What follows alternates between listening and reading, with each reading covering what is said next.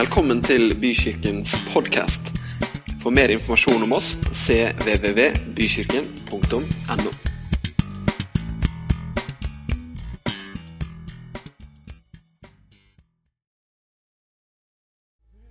alltid den som sitter på tronen, og derfor så kan vi alltid komme til deg.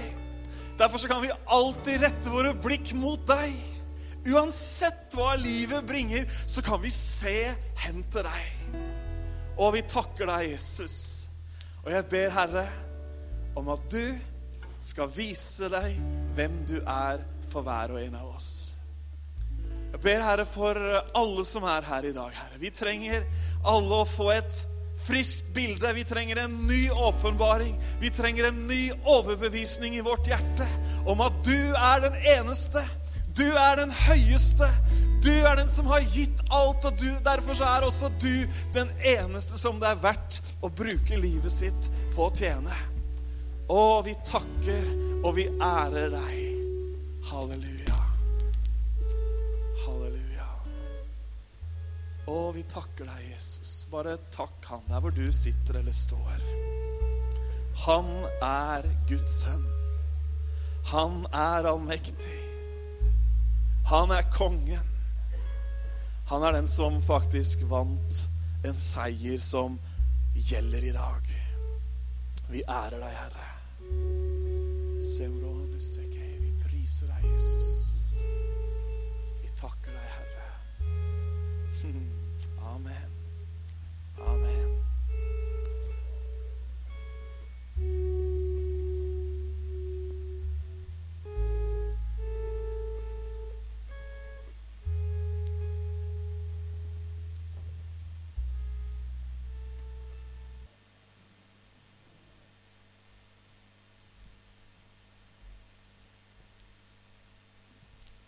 Så bra at vi har mange muligheter, ikke sant?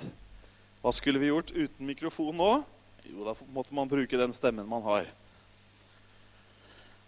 Fantastisk å komme sammen, og fantastisk å sånn kollektivt rette blikket mot Han som er den evige.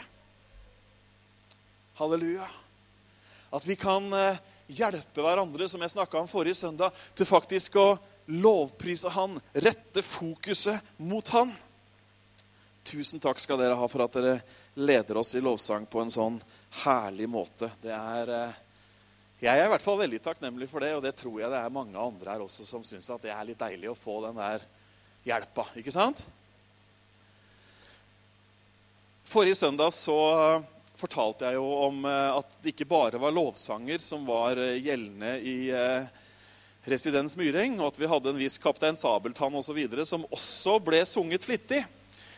Det morsomme var da vi fortalte noen av ungene vi var sammen med noen etter gudstjenesten, da vi fortalte ungene at ja, og vi sang Kaptein Sabeltann på møtet i dag. De trodde ikke sine egne ører.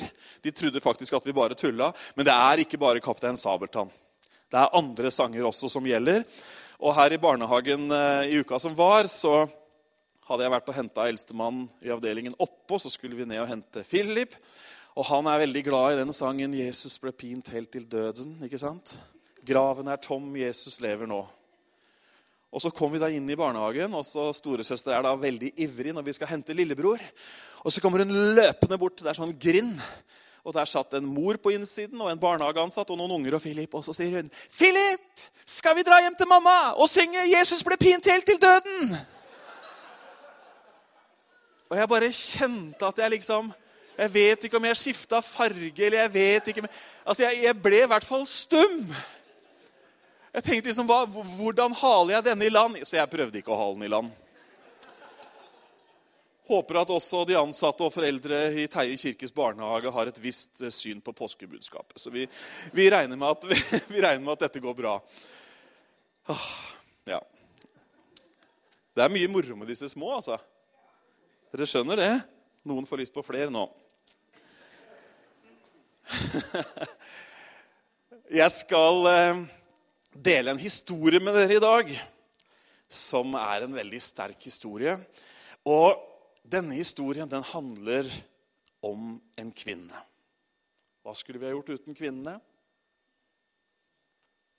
Nå skulle det vært noen sånne Jeg vet ikke. Det skulle vært noen sånne kommentarer. Hva, hva, hvordan skulle vi ha klart oss uten? Hva sa du? Nei, det hadde ikke klart deg. Nei, Noen er mer klar over sin eh, avhengighet enn andre. Men hvor hadde vi vært i verden uten kvinnene? Jeg vet ikke om vi hadde kommet så langt i det hele tatt. Kanskje du som mann hadde vært et helt annet sted hvis ikke det hadde vært for at det kom en eh, kvinne inn i livet og eh, staka ut kursen eller fortalte sannheten eller Ja, de bruker så mange uttrykk på det de gjør. Men fra tid til annen så har det jo også i Guds menighet og kirkelandskapet vært diskusjon om kvinnens plass og kvinnelige prester og det ene og det andre. Den diskusjonen er ikke den vi skal ta her i dag. Den diskusjonen er vi nemlig ferdig med for veldig lenge siden. Den har vi egentlig aldri hatt. Fordi at Guds ord er full av historier om herlige Guds kvinner som Gud har brukt mektig opp gjennom historien.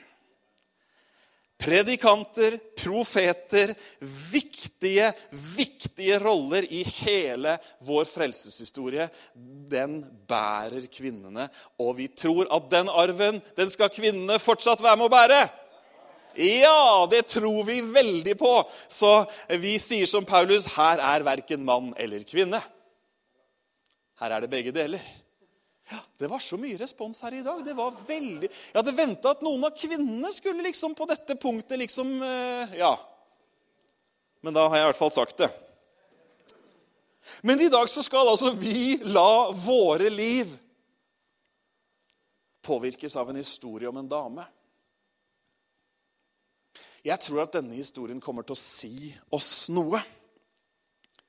Jeg tror det er derfor den er med i Bibelen, og jeg tror det er derfor Gud har lagt denne historien på hjertet mitt.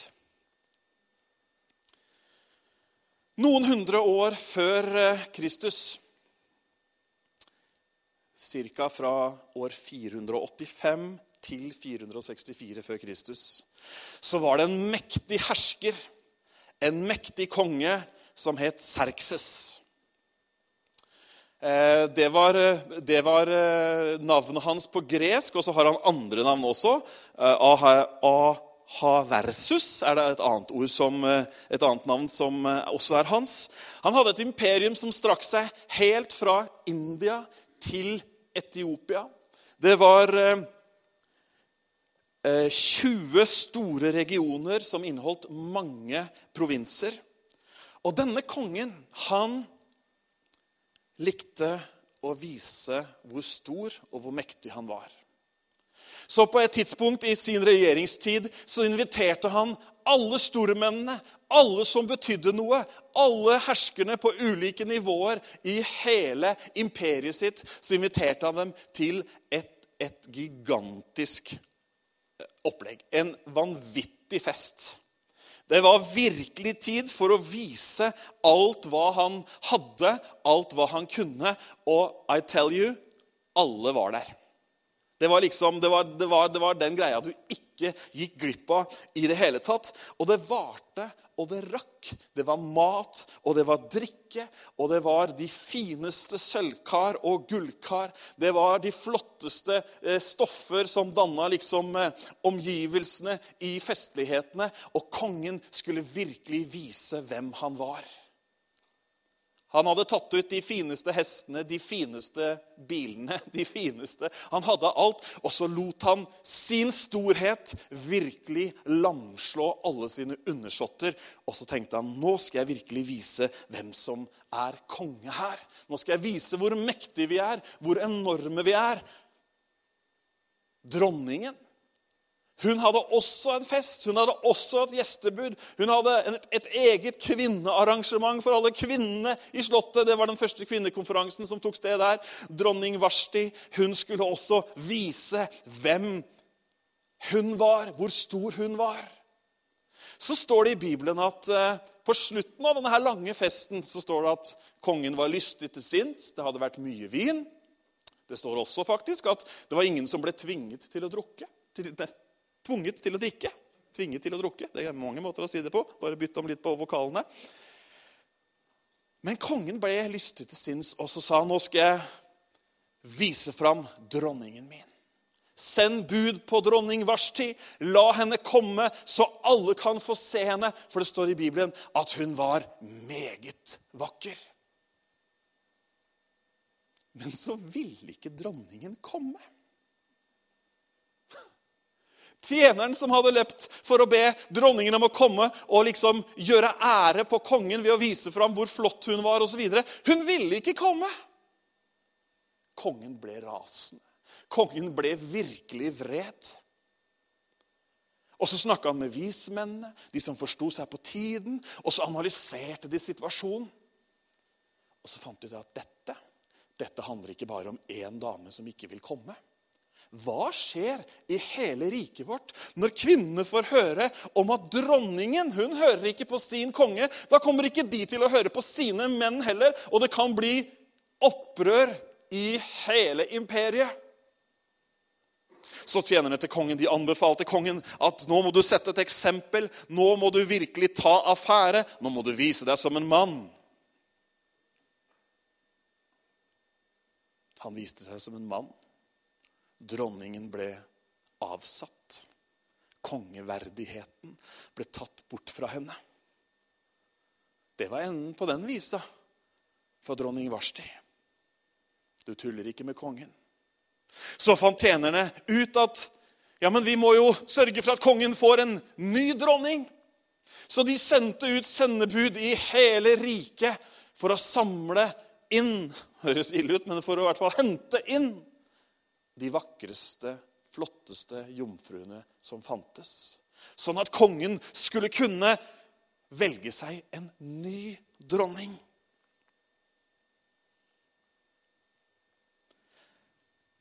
i hovedstaden, i kongens omgivelser, så var det en jøde ved navn Mordekai som hadde fungert som fosterfar for en ung dame.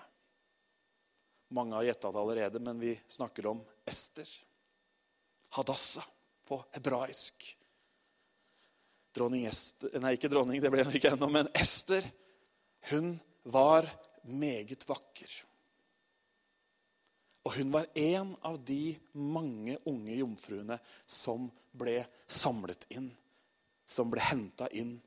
Og så skulle de gjøre seg fine. Så var det, bli, det var ikke bli ny dag, det var bli ny, nytt år kjørte de på med alt som fantes av hudprodukter, parfyme, sjampo osv. Vet ikke alt hva de gjorde, men det var i hvert fall alle mulige skjønnhetspleie for at de skulle ta seg best mulig ut hos kongen. Ester hun var også jøde, men Mordekai hadde sagt, 'Ikke si noe om hvilket folk du er av.' 'Ikke si noe om slekt og bakgrunn.' Han hadde nok skjønt at det var noe på ferde. Når, når, når, Ester kom inn i denne forberedelsestiden, så fikk hun stor favør og stor velvilje hos den oppsynsmannen som hadde ansvar for Ester og hennes gruppe. Så han sørga for at hun hadde alt det hun trengte til enhver tid. Sånn at hun skulle være best mulig forberedt til kongen. Og så var det sånn at De skulle til kongen, alle som en. Og så var det sånn at den som kongen likte best, kunne da bli den nye dronningen. Utenfor så foregår det noe. Mordekai, som eh, er i bevegelse rundt om i byen, han overhører en samtale hvor det er to stykker som planlegger å drepe kongen. Som den lojale kongens tjener han er, som den rettskafte mannen han er, så sier han ifra. Og så blir situasjonen avslørt, bekrefta, og disse to må bøte med livet. I den forbindelse så blir en annen tjener forfremmet. Haman. Haman har skumle hensikter, han har gale hensikter. Og han sørger for, Når han kommer et skritt nærmere kongen, så sørger han for å understreke sin egen posisjon. Og det skal være slik at alle må bøye seg for Haman. Men Mordekai nekter. Han vet hva slags fyr dette her er, og han nekter å bøye seg for Haman. Dette her vekker utrolig provokasjon. Haman vet at Mordekai er jøde.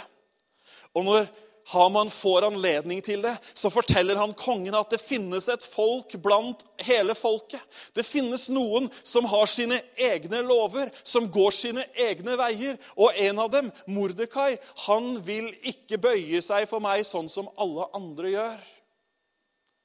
Og med sin list, med løgnaktige tanker osv., så, videre, så klarer Haman å få kongen til å si, 'Gjør hva du vil med dette folket'. Det er penger inne i bildet, osv., osv.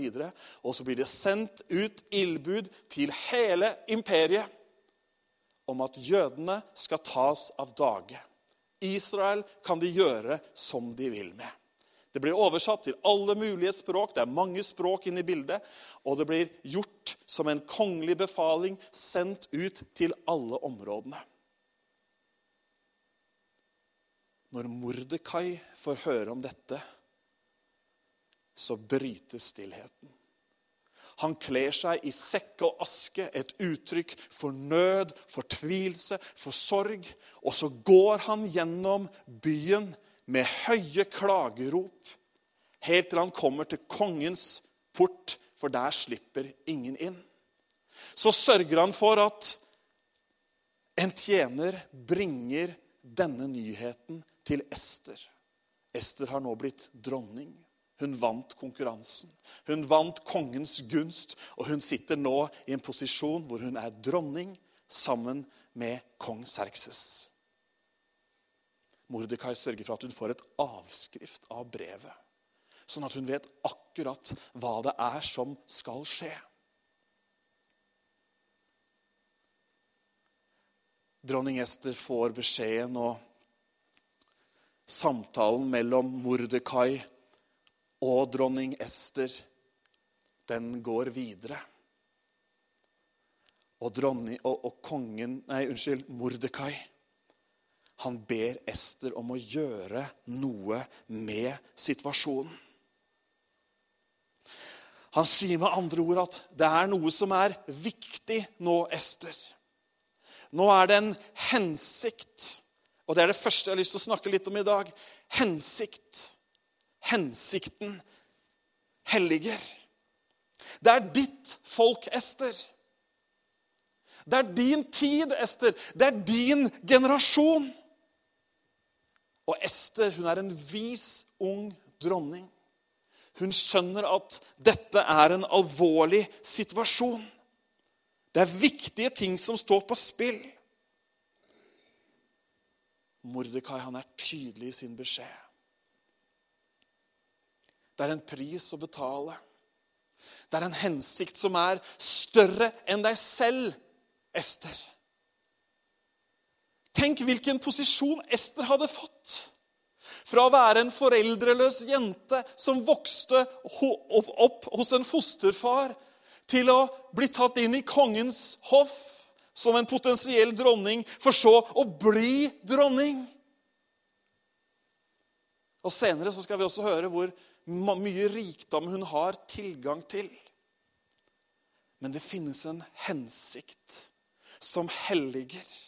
Det finnes en hensikt som gjør at andre ting må settes til side. Det finnes noe som er viktigere, det finnes noe som er større, det finnes noe som har lengre rekkevidde, det finnes noe som har en helt annen betydning.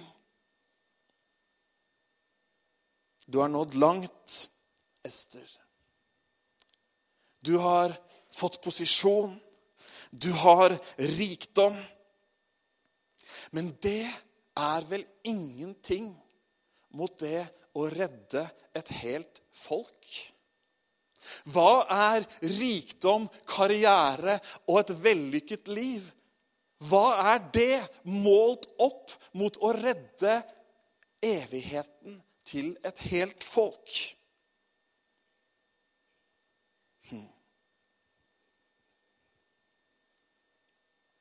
Vi er skapt av Gud. Du og jeg.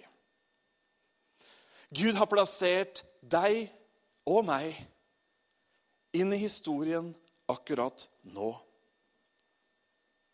du og jeg, vi har en hensikt. Vi er til for en grunn. Det finnes en plan bak. Hensikt. Hensikt er det som lyser for oss når det virker å være så mørkt. Hensikt er det som løfter oss når det ser tungt og umulig ut. Det var nemlig umulig for Ester å gjøre noe med situasjonen uten at hun tok en enorm risiko. Skulle man inn for kongen Det var bare kongen som kunne gjøre noe med dette. Skulle man inn for kongen, så måtte han ha sendt bud på deg. Hvis du allikevel hadde så mye guts at du gikk inn i kongens gård uten å være invitert, så var det 50-50. Da sa loven at kongen hadde rett til å ta livet av deg fordi du kom uinvitert. Han hadde en stav, og hvis han rakte den mot deg, så var du akseptert. Hvis han ikke gjorde det, så kunne kongen gjøre med deg som du ville. For Ester så var det her ekstra utfordrende. Det var nemlig en måned siden sist kongen hadde sendt bud på henne. Hun var med andre ord ikke øverst på lista i kongens tanker. Og hun visste at jeg, går jeg bare nå og sier ja, men du må ikke gjøre sånn, konge, så er det med livet som innsats. Hensikten fyller dagen med mening. Hensikten gir livet en retning. Hm, kan hende Ester ba og sa Alt makter jeg i Han som gjør meg sterk. Hm, hvorfor gjør vi det vi gjør? Hvorfor er vi til? Hva er hensikten? Hensikten gjør at vi prioriterer. Vi setter noe til side fordi noe annet er viktigere. Vi må våge oss i 2016 å stille oss spørsmålet hva er viktigst? Hva er det som teller? Hva er viktigst, Ester? Din karriere som dronning. Tenk på det, det var jo en eventyrhistorie. En vanlig jente av et lite, unnselig folk som ikke var ansett på noen som helst måte, kom til en posisjon. Hva er viktigst, Ester? At karrieren din blir en suksess? At kongen gir deg halve rikets skatter? Hva var viktigst for de første disiplene?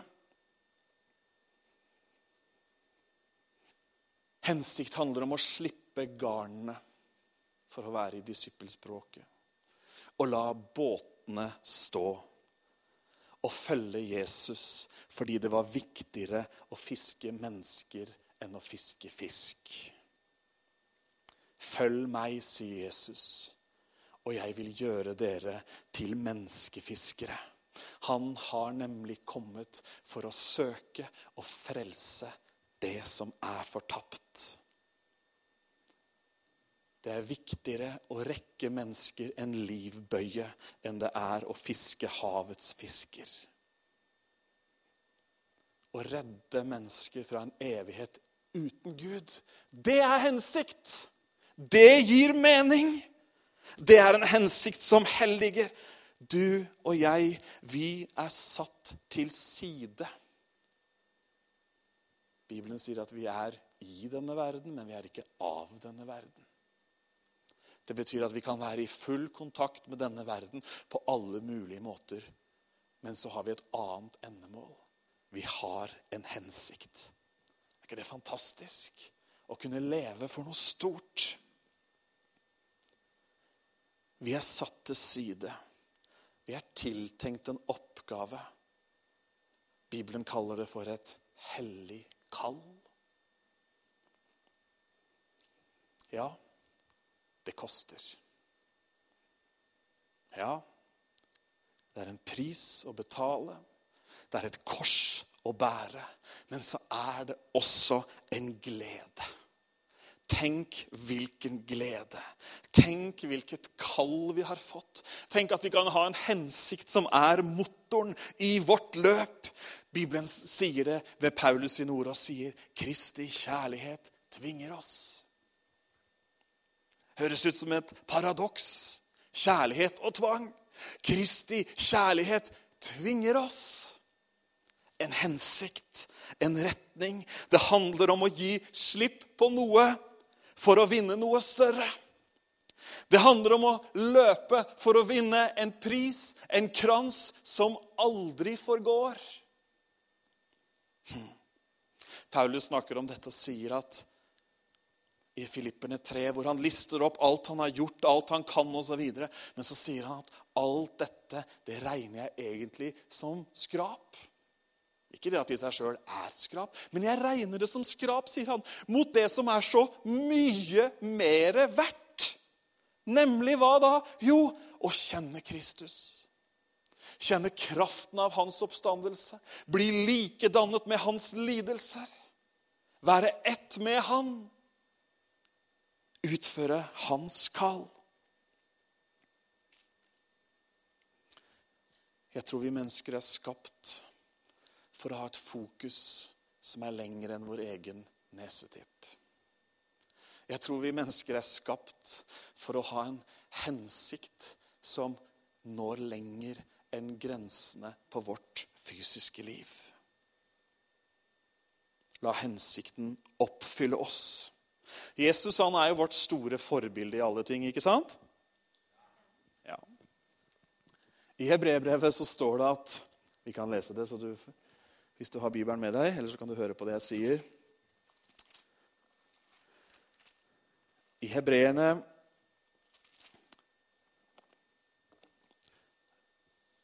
tolv så står det fra vers 1.: Derfor skal vi også, siden vi er omgitt av en så stor sky av vitner, legge av enhver byrde og synden som så lett fanger oss, og løpe med utholdenhet i den kampen som er lagt foran oss mens vi ser på Jesus. Troens opphavsmann og fullender. På grunn av den gleden som var lagt foran han. Hørte du det? På grunn av den gleden som var lagt foran han. Utholdt han korset, aktet ikke på skammen og har nå satt seg ved høyre side av Guds trone. En pris å betale.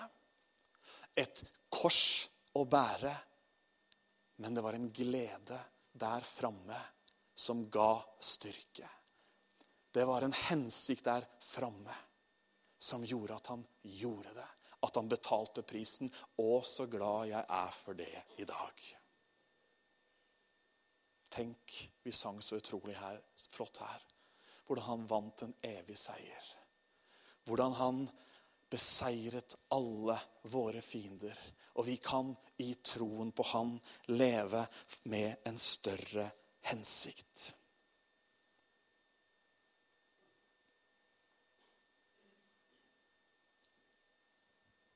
Det er nå, Ester. Det er denne tiden, Ester. Det er Mordekai som snakker. Det er nå muligheten er gitt deg. Tiden teller. Tiden teller, Ester. Jeg syns jeg kan høre nøden i Mordekai sin stemme. Jeg syns jeg kan høre inderligheten i formidlingen. Det er nå, Ester. Du er her nå for en mulighet. Ja, men kjære Mordekai, jeg har jo akkurat blitt dronning. Jeg har jo akkurat fått det ganske behagelig. Jeg bor ikke lenger sammen med alle de andre ungjentene. Jeg må ikke lenger konkurrere om å få de beste eh, produktene fra Mary Kay. Nei, nå kan jeg faktisk være den jeg er. Det var noen som smilte av den Mary Kay. Det var ikke meninga. Det sto ikke i manus heller. Jeg bare tenkte på det. Noen har reklamert. Er du med på tanken? Det er jo behagelig nå. Hvem vet Ester? sier Mordekai. Hvem vet om ikke det er nettopp for en tid som denne? Hvem vet om ikke det er akkurat dette du skal gjøre?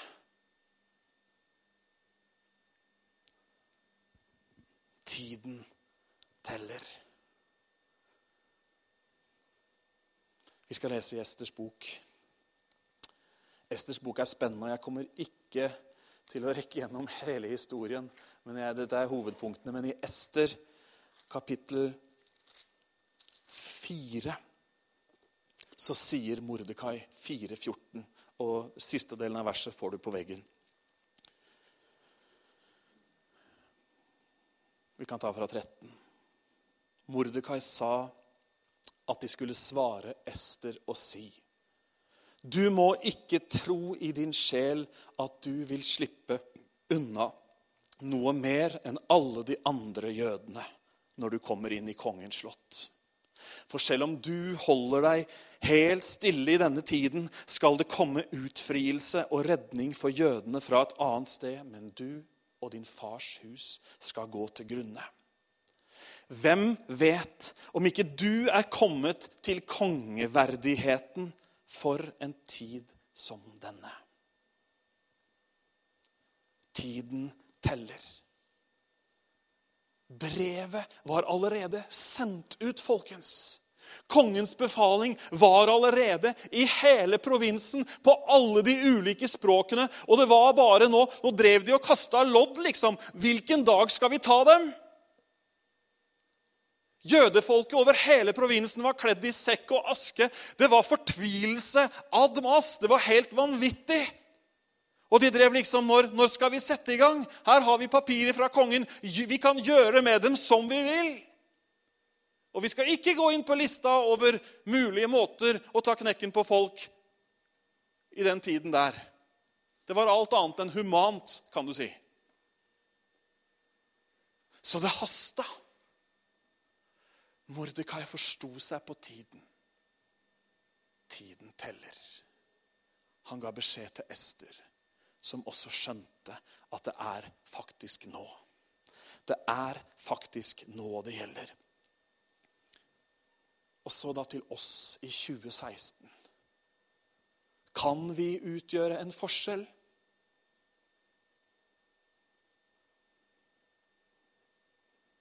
Kan vi si noe til de vi møter, til de vi treffer, til de som er i vår krets? Vi kan det. Vi kan være noe. Vi kan si noe. Vi kan gjøre noe. Vi kan dele ord som gjør at de kan bli frelst. Ord som de kan bli frelst ved, som det står i apostlenes gjerninger. Det store oppdraget er gitt deg og meg. Denne generasjonen, den er vår generasjon. Denne generasjonen er ikke den kommende generasjonen sitt ansvar. Denne generasjonen er ikke ansvaret til generasjonen som var før oss. Denne generasjonen er vår. Det står om David så står det at David tjente sin generasjon.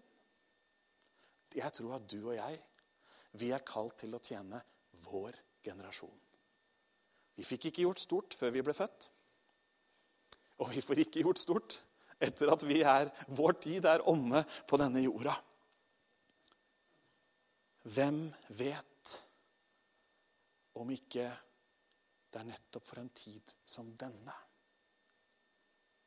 at du har fått kongeverdigheten. Vi snakka om det forrige søndag. Et annet ord på kongeverdigheten er den skatten du har fått, som er i et leirkar. Ja, vi er ikke fullkomne. Ja, vi har noen sprekker. Ja, vi har en historie. Men vi har likevel fått en skatt. Jeg er sikker på at Hvis du hadde gått Ester i sømmene, så var det sikkert en og annen feil på henne også, selv om hun hadde en skjønnhet som lamslo de fleste.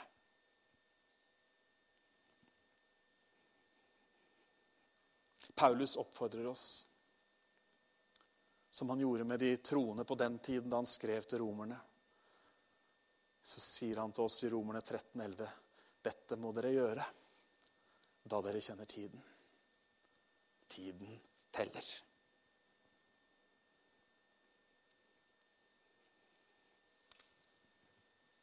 Hva gjør du med det jeg har sagt, Ester? Hva velger du å gjøre? Jeg har sagt at det er et behov. Jeg har sagt at nå kan du gjøre noe. Men hva velger du, Ester?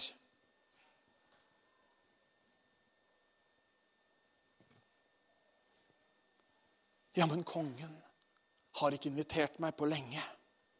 Dette er livet som innsats. Så bestemte hun seg.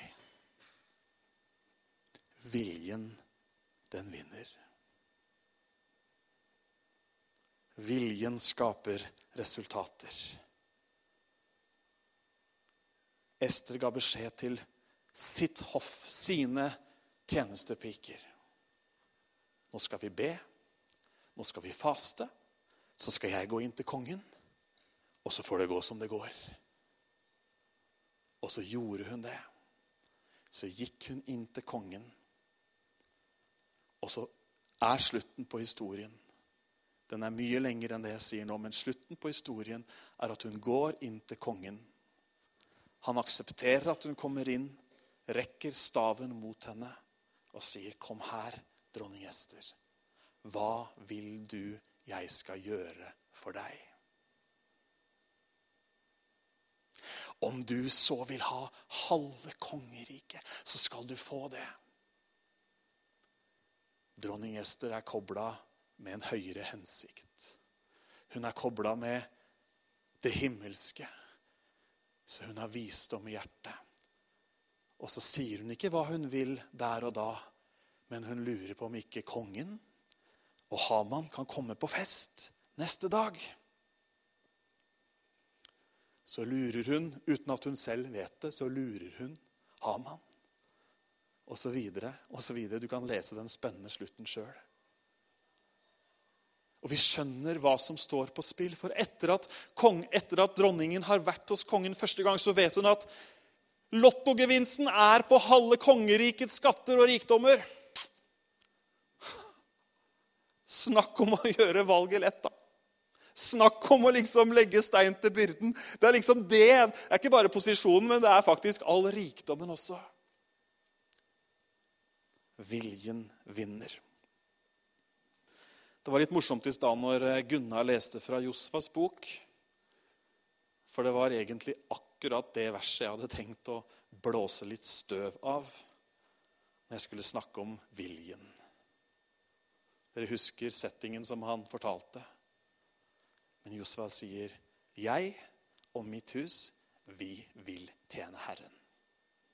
Bakgrunnen for at han sa det, var at det så ut som ingen av de andre hadde tenkt å velge det. Og til og med når de sier at de vil velge det, hvis du leser videre fra det verset, så er han neimen ikke så sikker på at de mener alvor, men han holder fast ved at jeg og mitt hus, vi vil tjene Herren. Det er bra? Mordekai kunne ikke velge for Ester. Ingen andre kan velge for oss. Ester måtte velge rikdom, ære og posisjon eller hensikten? Hva kommer først?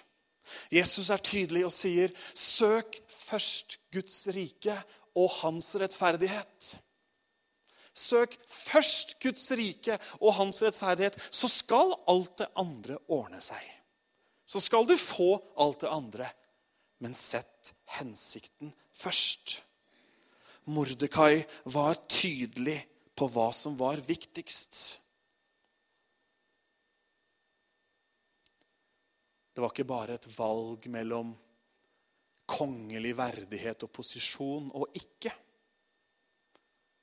Det var et valg mellom liv eller død.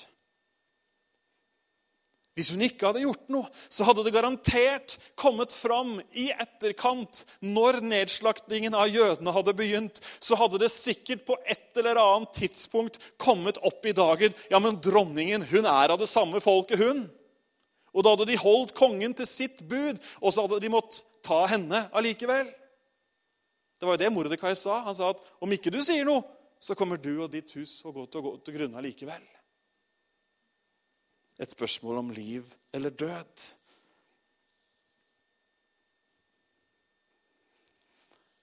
Nå er det ikke det valget vi står overfor i Norge i dag. Men det er troende i andre deler av verden som står overfor livet eller døden når de skal forsvare sin tro. Men Ester bestemte seg.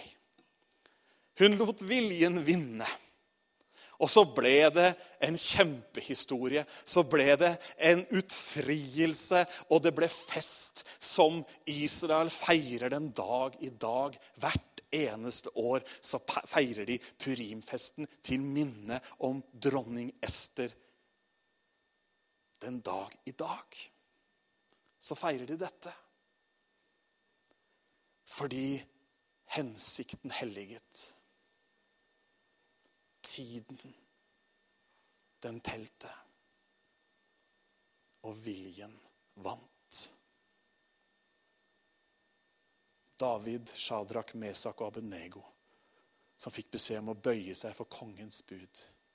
Det står at de satte seg fore i sitt hjerte. Eller det står at de bestemte seg. De brukte viljen. Vi er skapt med en evne til å bestemme oss. Vi er skapt med en e- evne til å rette fokuset vårt på noe og bestemme oss for å gå den veien. Hva gagner det? Til hvilket gagn er det for et menneske om det vinner hele verden? Det var det Ester ville ha gjort. Men så tape sin, sin sjel framfor Gud. Hvis Ester hadde valgt annerledes, så hadde det kanskje ikke vært et folk i dag. Tenk på det.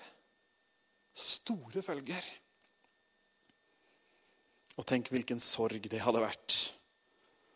Hm. La din vilje skje, Gud. La din vilje skje. Vi ber, la din vilje skje, Gud. Hva er Guds vilje? Det er at du og jeg skal få leve for en hensikt. Det er at vi skal rive oss løs fra alle de ubetydelige tingene. Kanskje til og med de tingene som virker så betydningsfulle for alle de rundt oss. Det er kampen vi står i veldig ofte i dag. Ja, men alle andre. Ja, men sånn er det jo. Sånn er jo tiden. Men det finnes en hensikt. Og det finnes ingen større glede enn å få være med og se at Guds rike går framover. Jeg tror at historien om Ester den sier oss noe i dag. Den sier noe om resultatet av å leve for en større hensikt. Og så sier den oss noe om utfordringene, den sier oss noe om valgene vi må ta. Og så sier den veldig mye om seieren vi har i vente. Den sier veldig mye om resultatene. Det var ikke bare det at, disse, at dette folket ble spart, og at de fikk livet. Men de fikk også en helt annen posisjon etter dette. Hele, hele stillingen for folket ble forandra. Og Mordekai, som var en som liksom bare var der, han ble forfremmet. Han ble sikkert et eller annet president, statsminister, for det står at han var rett under kongen. En nydelig historie som taler til mitt hjerte. Og jeg tror at han har talt til ditt hjerte også. Skal vi ikke bare reise oss opp og så be sammen?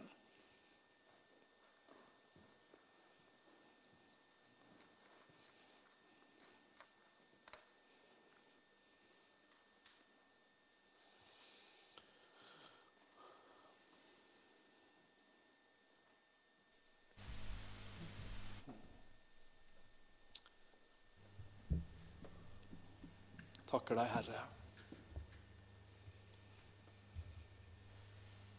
for at du har skapt oss til å være de vi er nå. Og at det ikke er noen tilfeldighet. Takk at du har eh, ført oss fram til den posisjonen vi har, til det stedet vi er i livet. Fordi at du ønsker å bruke oss. Du ønsker at vi skal være nær deg, kjenne deg.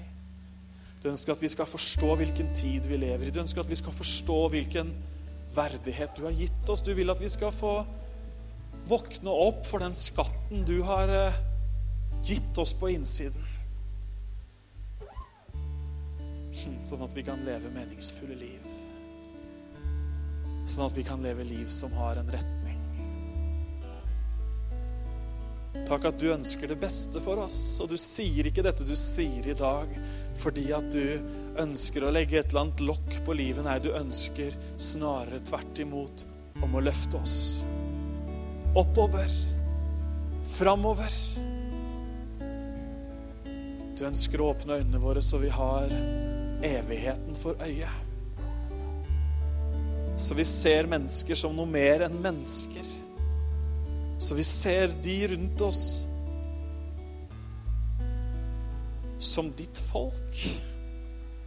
Som de som trenger å bli kjent med deg, som de som er skapt av deg. Jeg takker deg, Herre, for at du har eh, gjennom ordet ditt i dag og gjennom det jeg har sagt, Herre, så har du minna oss på noe. Du har sagt oss noe. Og Herre, jeg ber om at det skal bli noen sånne hellige beslutninger.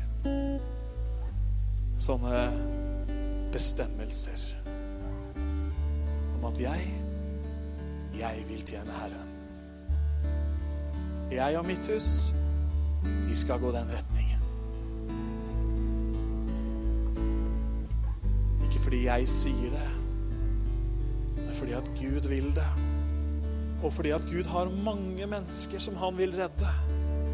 Gud har mange mennesker rundt om, der hvor du er, der hvor jeg er, som han ønsker at skal få oppleve hans tilgivelse. Hans frihet og hans helbredelse. Jeg har lyst til å takke deg, Herre, for at vi får være til akkurat nå.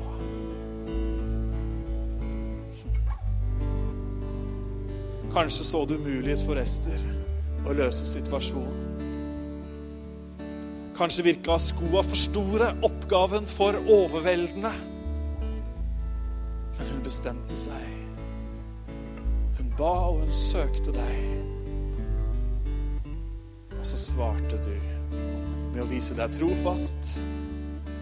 Du svarte med å stå bak ditt ord. Og vi takker deg, Herre. Vi takker deg, Herre.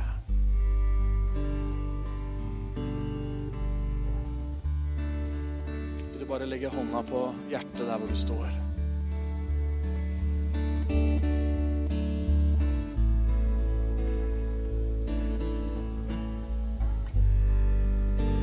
Og så kan du bare med dine egne ord få takke Gud for at du er til akkurat nå.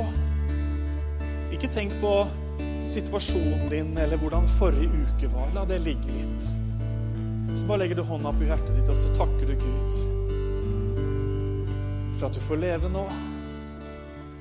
For at han har en hensikt for deg. For at du kan få være kobla på den hensikten. Og være med i byggingen av hans rike. Være med i å lede mennesker til ham. Være med å se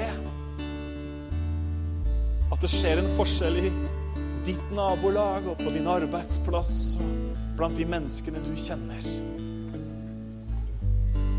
Takker deg for det, Herre. Ber om at du velsigner hver eneste en av oss, Herre. Kanskje vi har mista hensikten av syne. Kanskje vi har glemt hvorfor. Jeg ber Herre om at du må la oss se det på nytt. Må la oss bli oppfylt av din hensikt. Og la oss bli oppfylt av dine tanker, av dine veier. For det finnes noen veier som er høyere enn våre veier, og det finnes noen tanker som er høyere enn våre tanker, og det er dine veier og tanker. Og jeg ber Gud, oppfyll oss, Herre. Fyll oss opp, Herre, med din hensikt.